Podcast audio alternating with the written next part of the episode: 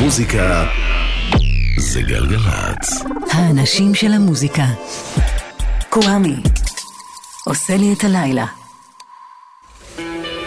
תולדות האינדי על פי קוואמי. 'Sup. אהלן, היי, שלום, סלאם, peace, אוהד מנדלאווי סאונד, נוגה שטיינברג מפיקה, קוואמי כאן איתכם ואיתכן, מה שלומכם, מה שלומכן? ברוכות הבאות, ברוכים הבאים לסדרת תולדות האינדי, הסדרה שאנחנו משדרים לכם כאן בגלגלצ מדי שני בין תשע לעשר בערב.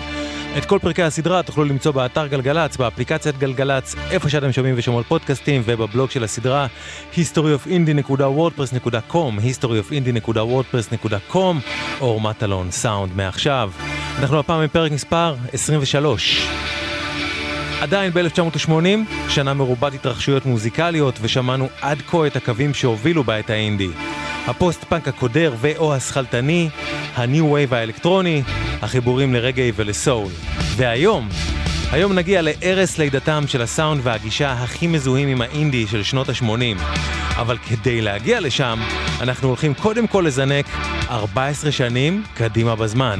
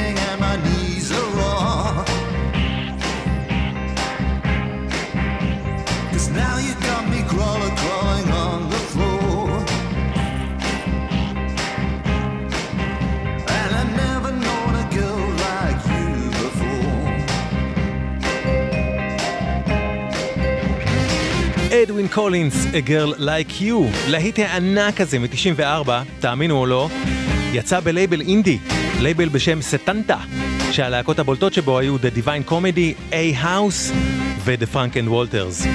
אדווין קולינס מוכר לרוב העולם בזכות השיר הזה, A Girl Like You, אבל הסיפור של קולינס מתחיל הרבה קודם. אדווין קולינס היה הסולן של להקה שהגיעה מפרבר של גלזגו, סקוטלנד. חבורה שרצתה לעשות מוזיקה בהשראת להקות ניו יורקיות חדשות מאמצע ה-70's שהם התאהבו בהן, כלומר טלוויז'ן וטוקינג הדס. ומה שנתן להם את ה push הסופי להבין שהם יכולים ורוצים להקים להקה משלהם, היה יציאת Spiral Scratch, EP הבכורה של הבאזקוקס, נקודת המוצא של כל הסדרה הזאת. אחרי שאף חברת תקליטים, גדולה או עצמאית, לא רצתה להוציא אותם, בפברואר 80 קולינס, יחד עם הבסיסט של אותה להקה דייב מקליימונט, ועם בחור צעיר שדי התלהב מהם בשם אלן הורן, הקימו לייבל עצמאי משלהם כדי להוציא פה את EP הבכורה של הלהקה שלהם. ללייבל הם קראו גלויה, פוסט קארד, וללהקה אורנג' ג'וס. כך נשמע סינגל הבכורה שלהם שיצא בשנת הפרק הזה, 1980. Falling and Laughing, אורנג'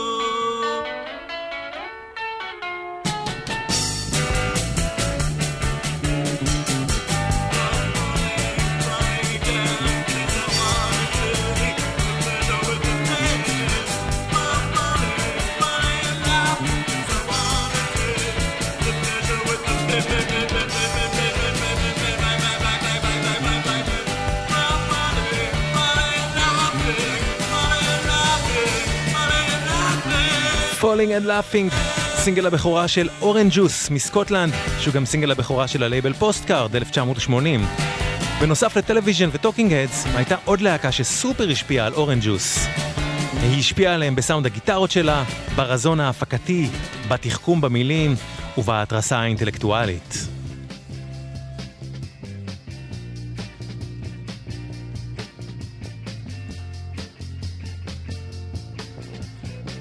The Velvet Underground. Jenny said when she was just five years old, there was nothing happening at all. Every time she puts on radio, there was nothing going down at all. Not at all. Then one fine morning, she puts on a New York station. You know, she don't believe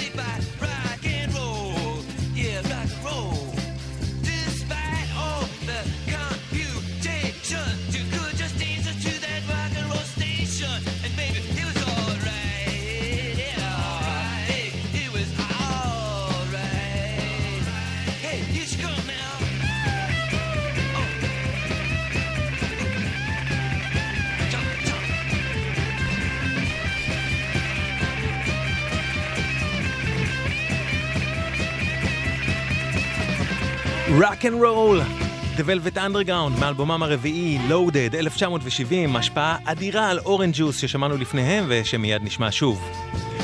כמו שאמרתי, השותף של חברי אורנג' ג'וס להקמת הלייבל פוסט קארד היה אלן הורן.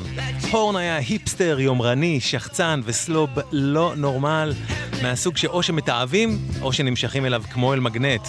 והוא משך אליו לא מעט מהמוזיקאים הצעירים של סקוטלנד דאז, ומהאנשים שהתעניינו שם בדרך חדשה לעשות מוזיקה עצמאית. הורן בנה לעצמו פרסונה טווסית ומפולפלת לאורם של אנדי וורהול, מלך הפופ-ארט, שבין השאר ניהל את ה Velvet Underground שאנחנו שומעים, ומלקולם מקלרן, המנהל לשעבר של ה Sex Pistols. בהשראתם, הוא ניסה להיות הכוכב המרכזי של הלייבל שלו, למרות שהוא לא עשה מוזיקה בעצמו.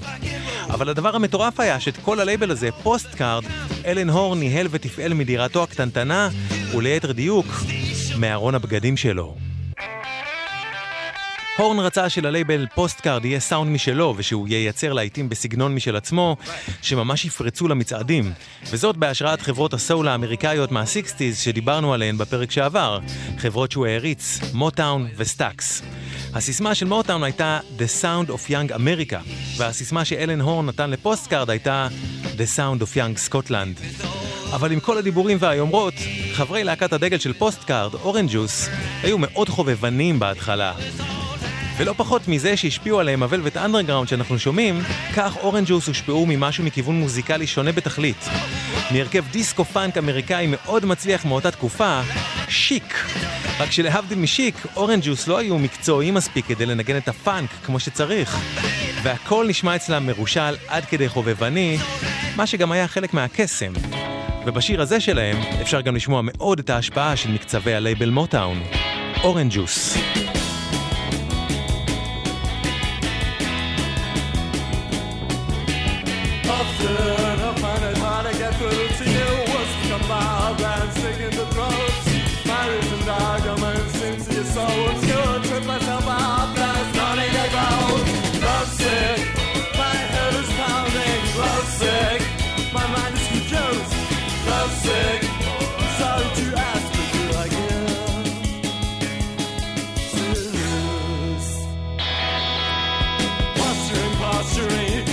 Save it.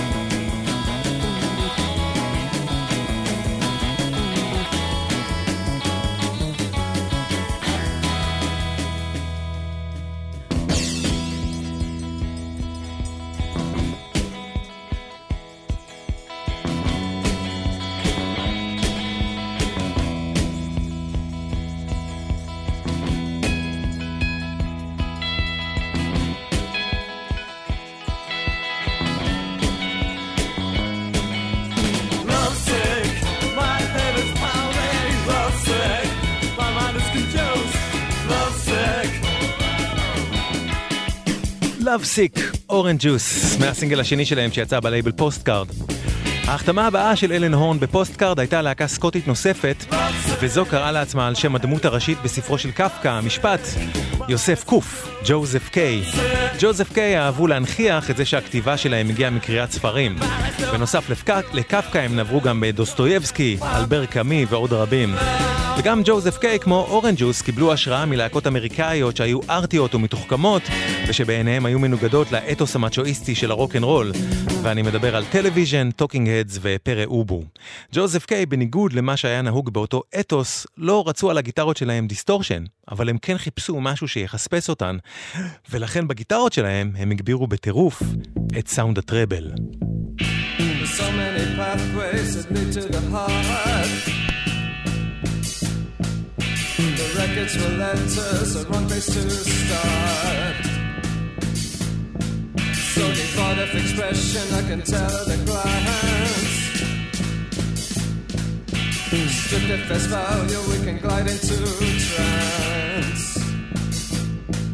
On the freeway so dark in the heat of this night.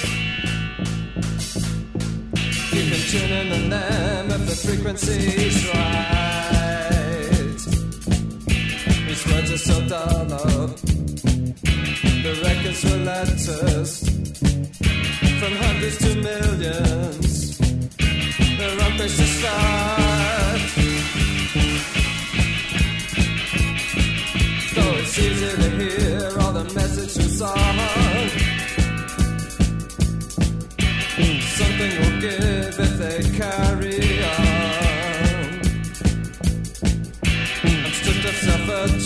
that can't be too smart.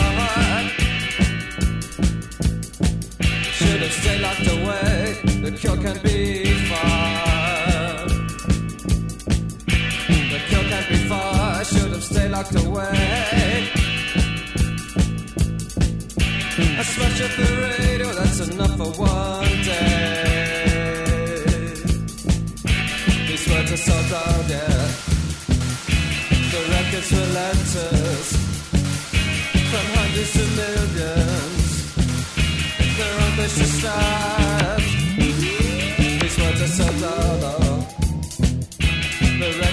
letters. From hundreds to millions.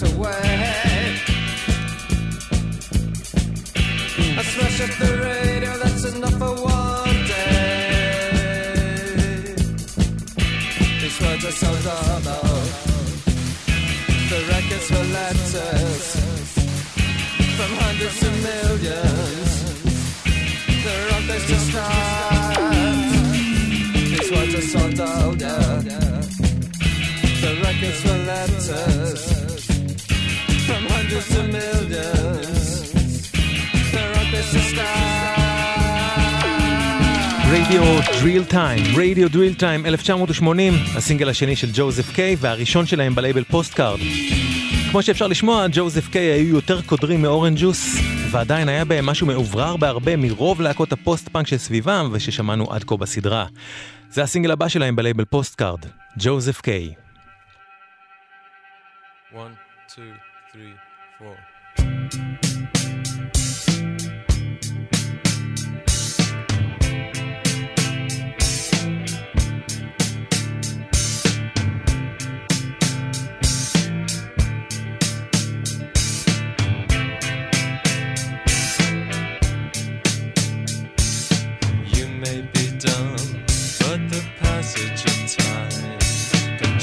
then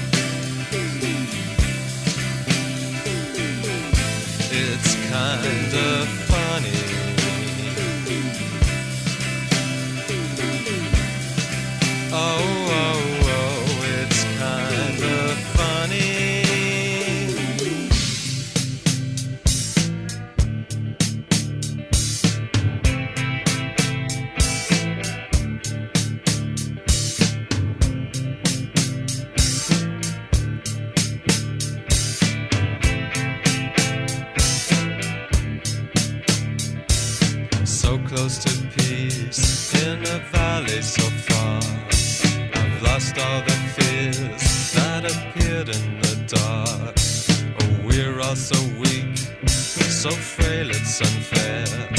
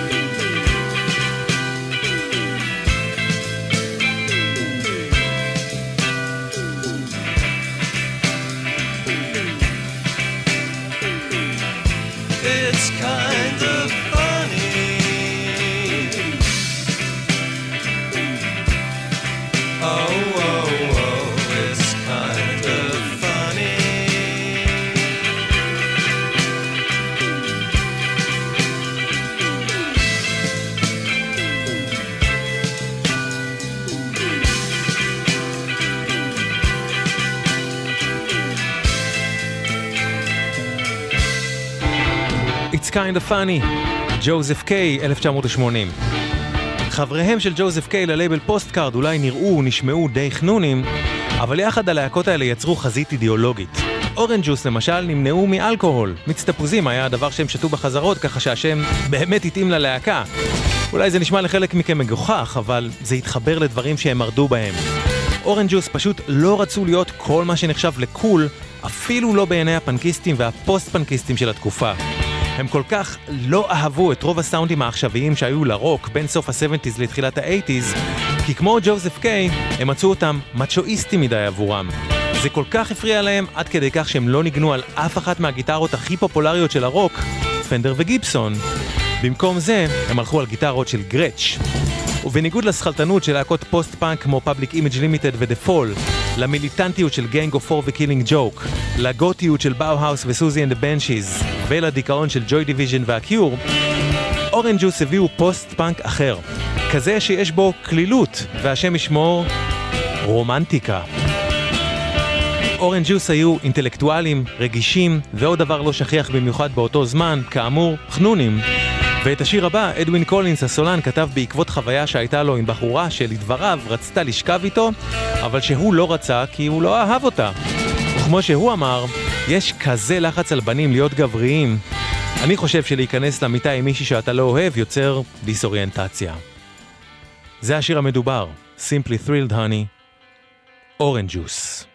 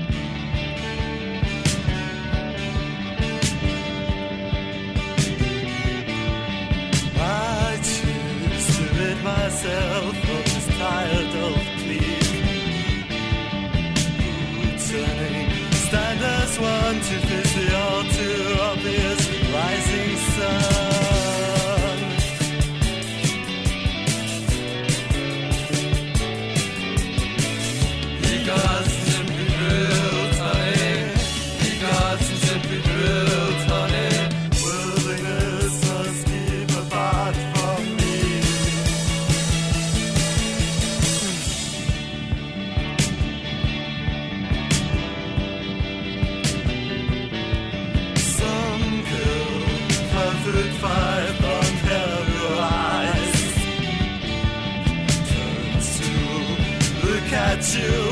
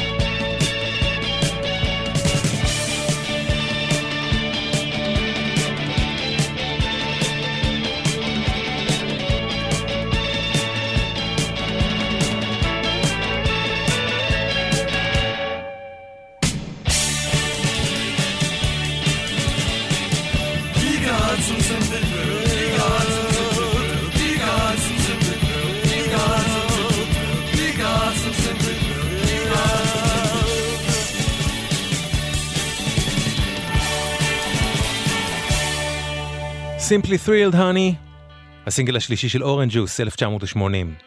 למה אנחנו כל כך מתעכבים על הסיפור של Orange Juice ושל הלייבל Postcard? כי מה שהם עשו היה הלכה למעשה ההתחלה של מה שהפכו לסאונד ולגישה הכי מזוהים עם האינדי כסגנון מוזיקלי החל מאמצע שנות ה-80. גישה של סאונד גיטרות בסטופים רזה, עם שירה מתחכמת, חנונית, מתריסה ומלודית. בכל הלהקות של Postcard ובמיוחד ב Orange Juice היה משהו אוורירי בנגינת הגיטרות, משהו מרושל בעיבודים, מינימליסטיות ואופטימיות כלשהי בלחנים, וזה בניגוד לזמר שנהג לשדר משהו מאוד מלנכולי. פשוט ככל שזה נשמע, הם התוו באיים הבריטים את הסטייל המסוים הזה, ואם נשים את עניין הרישול בצד, כל הדברים האלה שתיארתי, היו פשוט קווי המתאר של הלהקה הבאה שבשלב הזה אפילו לא הוקמה. פשוט תשמעו את הדמיון בין מה ששמענו עד עכשיו מאורנג' ג'וס לבין הדבר הזה בעצמכם.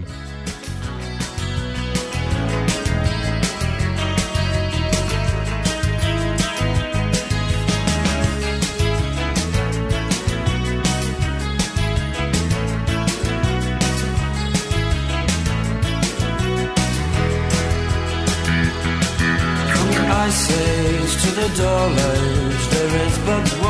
Concern. I have just discovered some girls are bigger than others. Some girls are bigger than others. Some girls' mothers are bigger than other girls' mothers.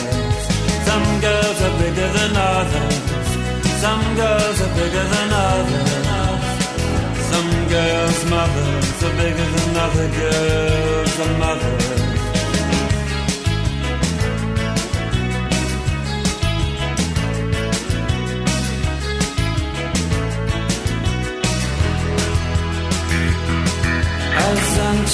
To Cleopatra as he opened a crater veil, oh, I said, some girls are bigger than others, some girls are bigger than others, some girls' mothers are bigger than other girls' mothers, some girls are bigger than others, some girls are bigger than others.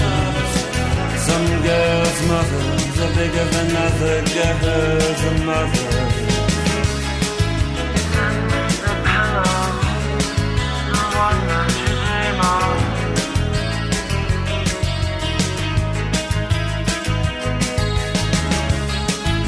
Send me the the that you dream of. And I'll send you.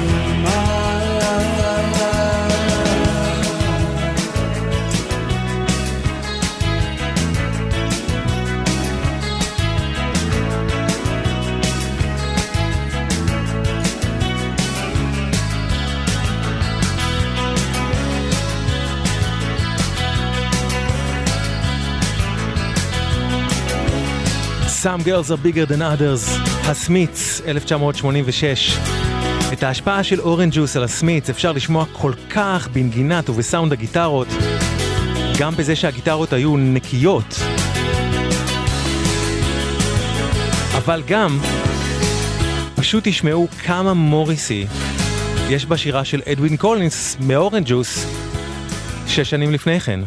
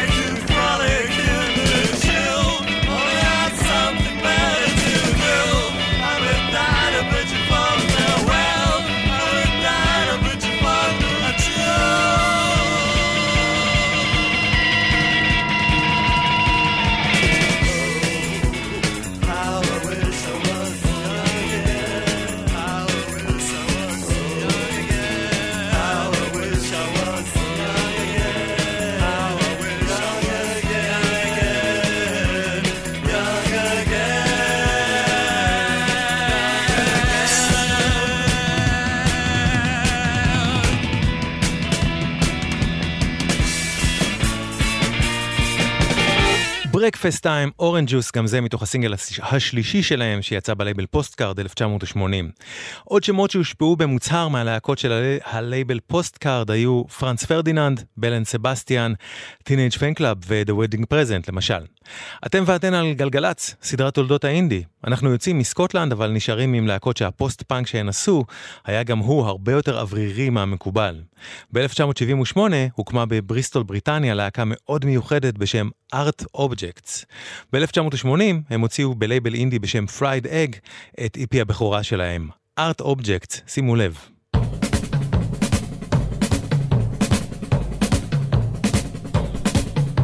I woke up this morning and walked to the wall. The sight of the guns did not worry me at all. The beauty of the morning was a wound still ahead. Of weapons and things better left unsaid. Living in the shadow of, carving out a road with another cut or two with.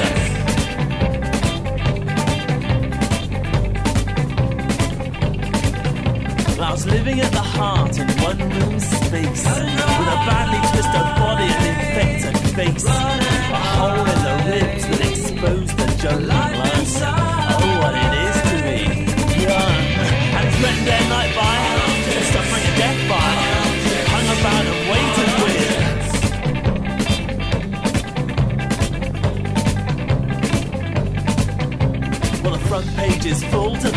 flags have been raised. The captive beast staggering, bloody and crazed. It's a myth, an old myth that cruelty can be shared. That you can die as you live or bring pressure to bear without listening for the sound of. Looking for the flying on, the ticking and the clicking of, the whirring and the grinding of, the spokes and wheels and ratchets of. I hate the use it's made of, the authority invested in, beaten in the face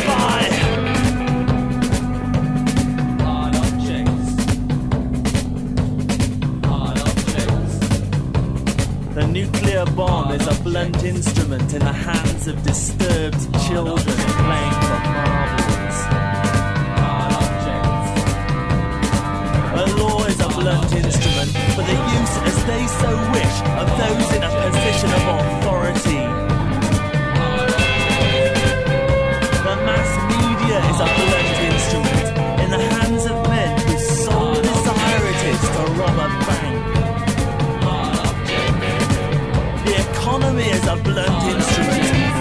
the politically wealthy can have the poor or subservient systematically beaten to ensure the minimum resistance.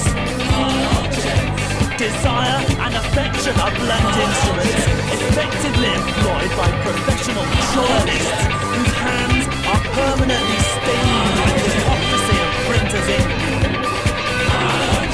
Education is a two-edged weapon, after a certain point, those in like to their exclusive use. And the voice of protest and dissent is the only weapon possessed by the majority of victims, and it's lying unused at the feet of the people who are too busy living and dying to bother to pick it up.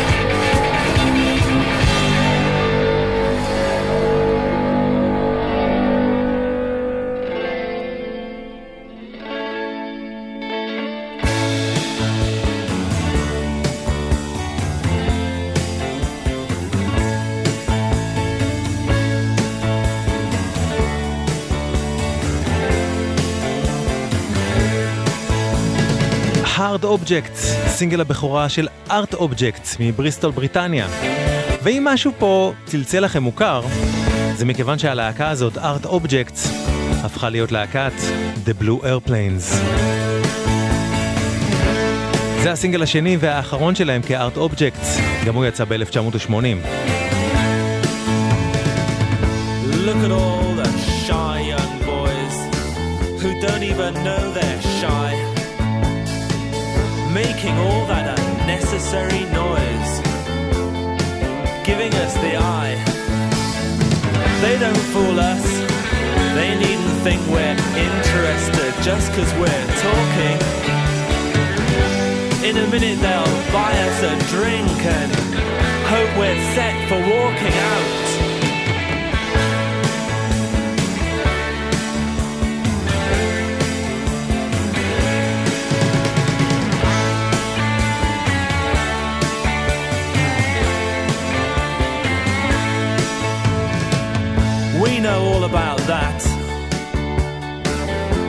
Know all about them.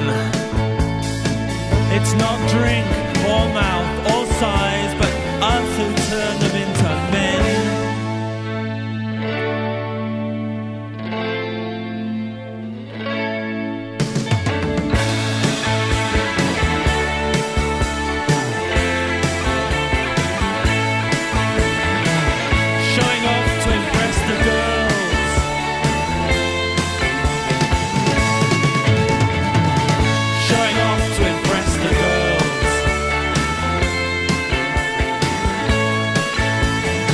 Showing Off to Impress the Girls, Art Objects 1980.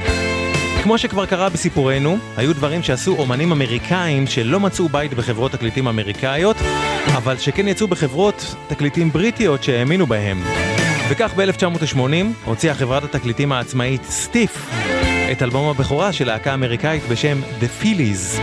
גם The Feelies זכו בין אותן השראות של הלהקות של Postcard, וגם הם עשו מוזיקה מאווררת יותר ממה שהיה נהוג בפוסט פאנק. בין השאר, הפיליס השתמשו בגיטרות אקוסטיות, ורצו שהגיטרות החשמליות שלהם יישמעו נקיות יותר מהמקובל. מצב שתגידו, וואי, איזה חנונים. אבל היופי היה שהאינדי עזר סוף סוף לחנונים לצאת בגאווה מהארון, ולהתהדר בחנוניות שלהם, במקום להתבייש בה. ומה שהפיליז עשו, גם מאוד השפיע על דור חדש של להקות אמריקאיות, שבראשן R.E.M. The Phillies.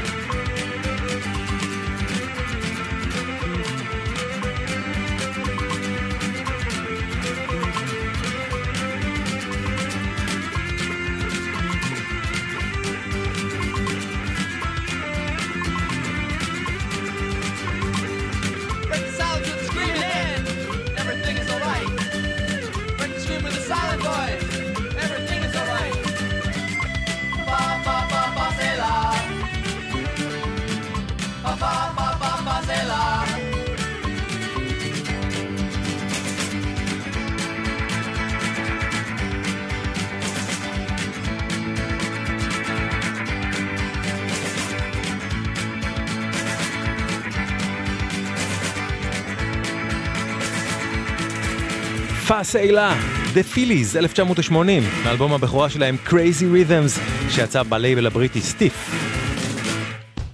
באותה שנה חברת סטיף העצמאית הייתה גם הראשונה להוציא את סינגל הבכורה של להקה אמריקאית אחרת, להקה נשית שעומדת להפוך לענקית בארצות הברית עם אותו שיר ממש. אבל בהתחלה, בזכות סטיף, הן הפכו קודם כל לגיבורות האנדרגראונד בבריטניה. The Go-Go's.